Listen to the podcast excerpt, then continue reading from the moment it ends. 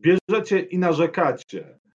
Tak, druga osoba w państwie, marszałek Sejmu Elżbieta Witt z Prawa i Sprawiedliwości wypowiada się publicznie na temat krytyków Prawa i Sprawiedliwości. Czy tu jest Polska, ale nie Unia Europejska oraz czy można jeszcze krytykować władzę? O tym dzisiaj w Rzecz o Polityce. Jacek Kiewicz, zapraszam. Paweł Kowal jest Państwa moim gościem, poseł Koalicji Obywatelskiej, były minister zagranicznych. Dzień dobry. Dzień dobry. Czy jak Prawa i Sprawiedliwości przestanie Pan pobierać 500? Plus? Znaczy, wypowiedź pani marszałek Witek była aktem najwyższej arogancji politycznej, jaką sobie można wyobrazić, i była zwykłym obrażaniem polskich obywateli, którzy wspólnie płacą podatki i wspólnie korzystają z polityki rządu, e, niezależnie od swoich poglądów politycznych. Gdyby pociągnąć dalej to, co pani Witek miała do powiedzenia, to można by zapytać, tak, a może w ogóle rząd będzie pobierał na przykład podatki tylko od tych, którzy go popierają.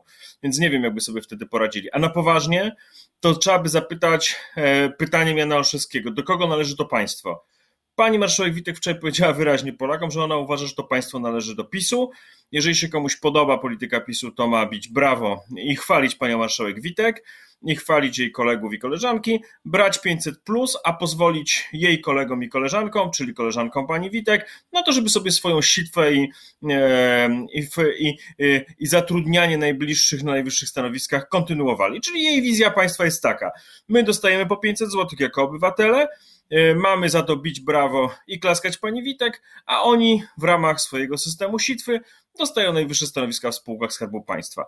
To się naprawdę musi skończyć. Jestem przekonany, że e, wczorajsza wypowiedź pani Witek, widzę jak ona rezonuje, jak, wszyscy, jak wszystkich oburzyła, jest jednym z tych kroków milowych, który doprowadzi do upadku tego rządu. No, pani Elżbieta Witek, e, przypomnijmy, druga osoba w państwie powiedziała też, że, Polska E, za sprawą Polskiego Ładu chce dorównać Europie Zachodniej w sposobie życia, e, nie w stylu życia, nie oddamy naszych wartości, mówiła. E, tu, proszę pani, jest Polska, a nie Unia. Cytuję panią Elżbietę Witek. Co to znaczy, tu jest Polska, a nie Unia?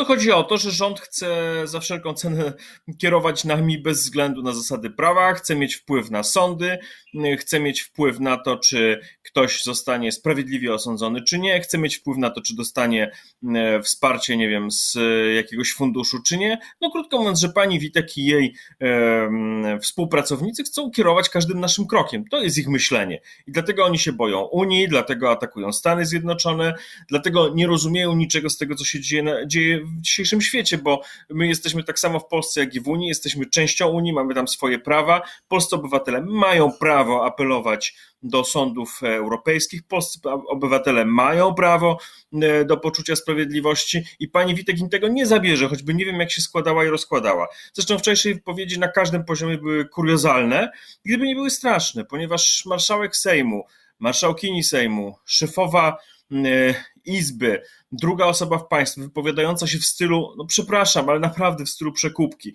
opowiadająca kompletne głupoty na temat filozofii państwa, wmawiająca Polakom, że prawo do e, świadczeń ze strony państwa, czy do ochrony państwa mają tylko ci, którzy popierają rząd, to jest mega skandal i dziwię się, że ona po prostu jakby niczym nie, nie, nie poruszona do wieczora jeszcze jeździła po Polsce i bawiła się świetnie, jakby nic się nie stało. Mam poczucie kompletnej demoralizacji tej władzy. No, a czy Prawo i Sprawiedliwość, czy też polski rząd e, ma prawo nie uznawać orzeczenia SUE? Ale oczywiście, że nie mają takiego prawa, dlatego że myśmy jako Polacy, wszyscy, nie jako ta władza, ratyfikowali traktat e, e, lizboński. W Polsce ta sprawa jest uregulowana w Konstytucji. To jest kwestia 90-91 e, artykułu Konstytucji. Polacy mają prawo do tego, żeby mieć sprawiedliwy sąd. Sąd, Izba Dyscyplinarna Sądu Najwyższego jest powołana niezgodnie z prawem, ma uprawnienia niezgodne z prawem, jest rodzajem sądu wojennego, nadzwyczajnego wręcz to nie, na, na coś takiego nie ma miejsca w polskim porządku prawnym. Powiedzmy to na proste wyrazy. W tej całym sporze chodzi o to, że władza, którą reprezentuje pani Witek, chciałaby odciąć Polaków od możliwości korzystania z sądów europejskich, po prostu chciałaby wszystkim rządzić. Chciała położyć łapę na poczuciu sprawiedliwości Polaków. To nie chodzi o żadną suwerenność, to nie chodzi o żadne wielkie rzeczy. To chodzi po prostu o to, czy Polacy mają prawo do sprawiedliwego sądu, czy nie. Władza chce, żeby nie mieli, a Polacy chcą mieć i my będziemy po stronie Polaków. Czy Prawo i Sprawiedliwość powoli wyprowadza Polskę z Unii Europejskiej? To zawsze jest proces. Jeżeli połączymy kropki, ja muszę panu powiedzieć, że długi czas myślałem, że to jest tylko takie straszenie, taki element polemiki politycznej, a dzisiaj wiem, to idzie w złym kierunku. To jest taki proces powolnego gotowania żaby, jak to się mówi. Nie wiem, czy to jest najlepsze porównanie, ale połączmy to, co się wydarzyło. Z jednej strony ta deklaracja polityczna z Marine Le Pen, kilka lat temu nie do pomyślenia. Przecież my podpisujemy wspólną deklarację polityczną z partią, która uznaje siłowe zmiany granic. To ja się pytam, kto może bardziej skrzywdzić Polskę niż partia, która uważa, że można siłą zmieniać granice w Europie. Mało mieliśmy jeszcze wojen, mało mieliśmy agresji.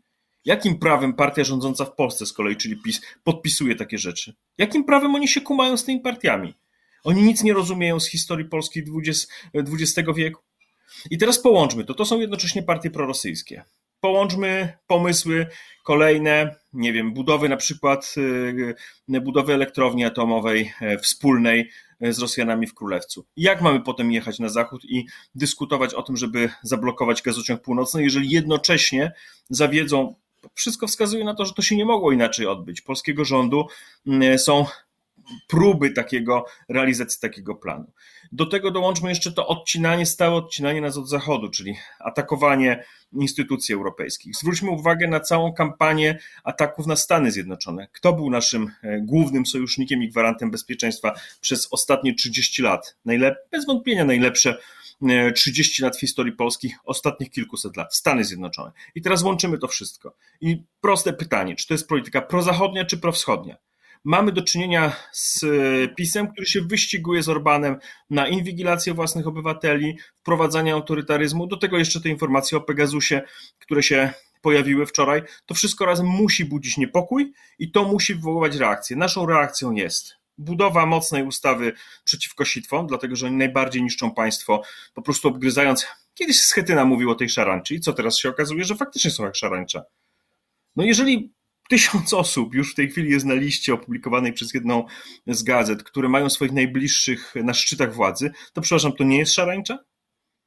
Czy, czy podczas ostatnich 30 lat było gorsze zepsucie? Jak to wszystko zbierzemy, to to jest po prostu wycofywanie Polski z zachodów i płynięcie po cichutku, małymi kroczkami, żeby ludzie nie zauważyli, na wschód.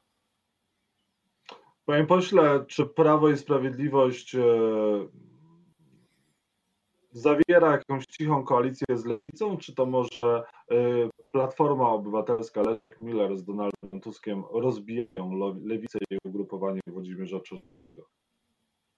Nie wiem, czy przysłuchiwałem się temu, o czym mówił wicemarszałek Czerzasty. Nie wiem, czy to naszych y, słuchaczy aż tak bardzo interesuje w szczegółach. Dzisiaj jest czas, kiedy trzeba nazywać rzeczy po imieniu, a y, Czerzasty dzieli włos na czworo, nie, nie jest w stanie powiedzieć, co jest dobre, co jest złe opowiada o tym, że będzie współpracował w sprawie e, ładu z, z PiSem. W jakiej sprawie będzie współpracował? Przecież to są bzdury. Oni nie dali żadnych ustaw. Oni dzisiaj jak, jakie dają ustawy? Z czym przychodzą do Sejmu? Oni przychodzą do Sejmu z ustawą, która ma zakneblować ustaw dziennikarzom, która ma odciąć obywateli od informacji. Tak, bo w ustawie o TVN przecież nie chodzi na końcu o TVN, nie chodzi e, o same media, czyli dziennikarzy. Chodzi o nas, o każdego obywatela. Oni mają pomysł na to, żeby pieniądze z nowego, z tak zwanego nowego ładu przejeść, a zanim zaczną je przejadać, to się zorientowali, że w mediach dużo się mówi o sitwie, Sami wywołali zresztą ten temat. No i teraz chcą przyblokować media. To gdzie tutaj mamy, gdzie jest pole do współpracy? Ja bym oczekiwał od lewicy, żeby sobie poukładała w głowie podstawowe wartości, takie jak wolność prasy, e, wolności obywatelskie, żeby odniosła się do problemu sprawiedliwości, zajęła się sądami, dlatego że niedługo polski obywatel, jak ukraiński przed rewolucją za czasów Janukowycza, nie będzie miał, nie będzie mógł liczyć na sprawiedliwość sądu.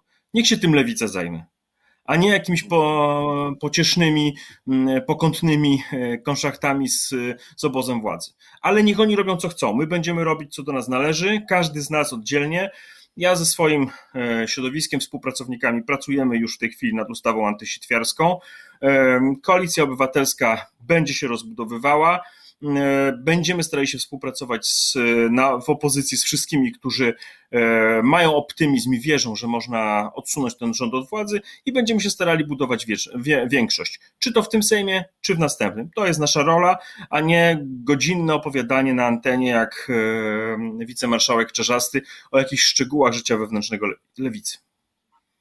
A czy Włodzimierza Czarzastego należałoby usunąć, dobrze byłoby dla lewicy, dla polityki, żeby usunąć go z bycia przewodniczącym nowej lewicy?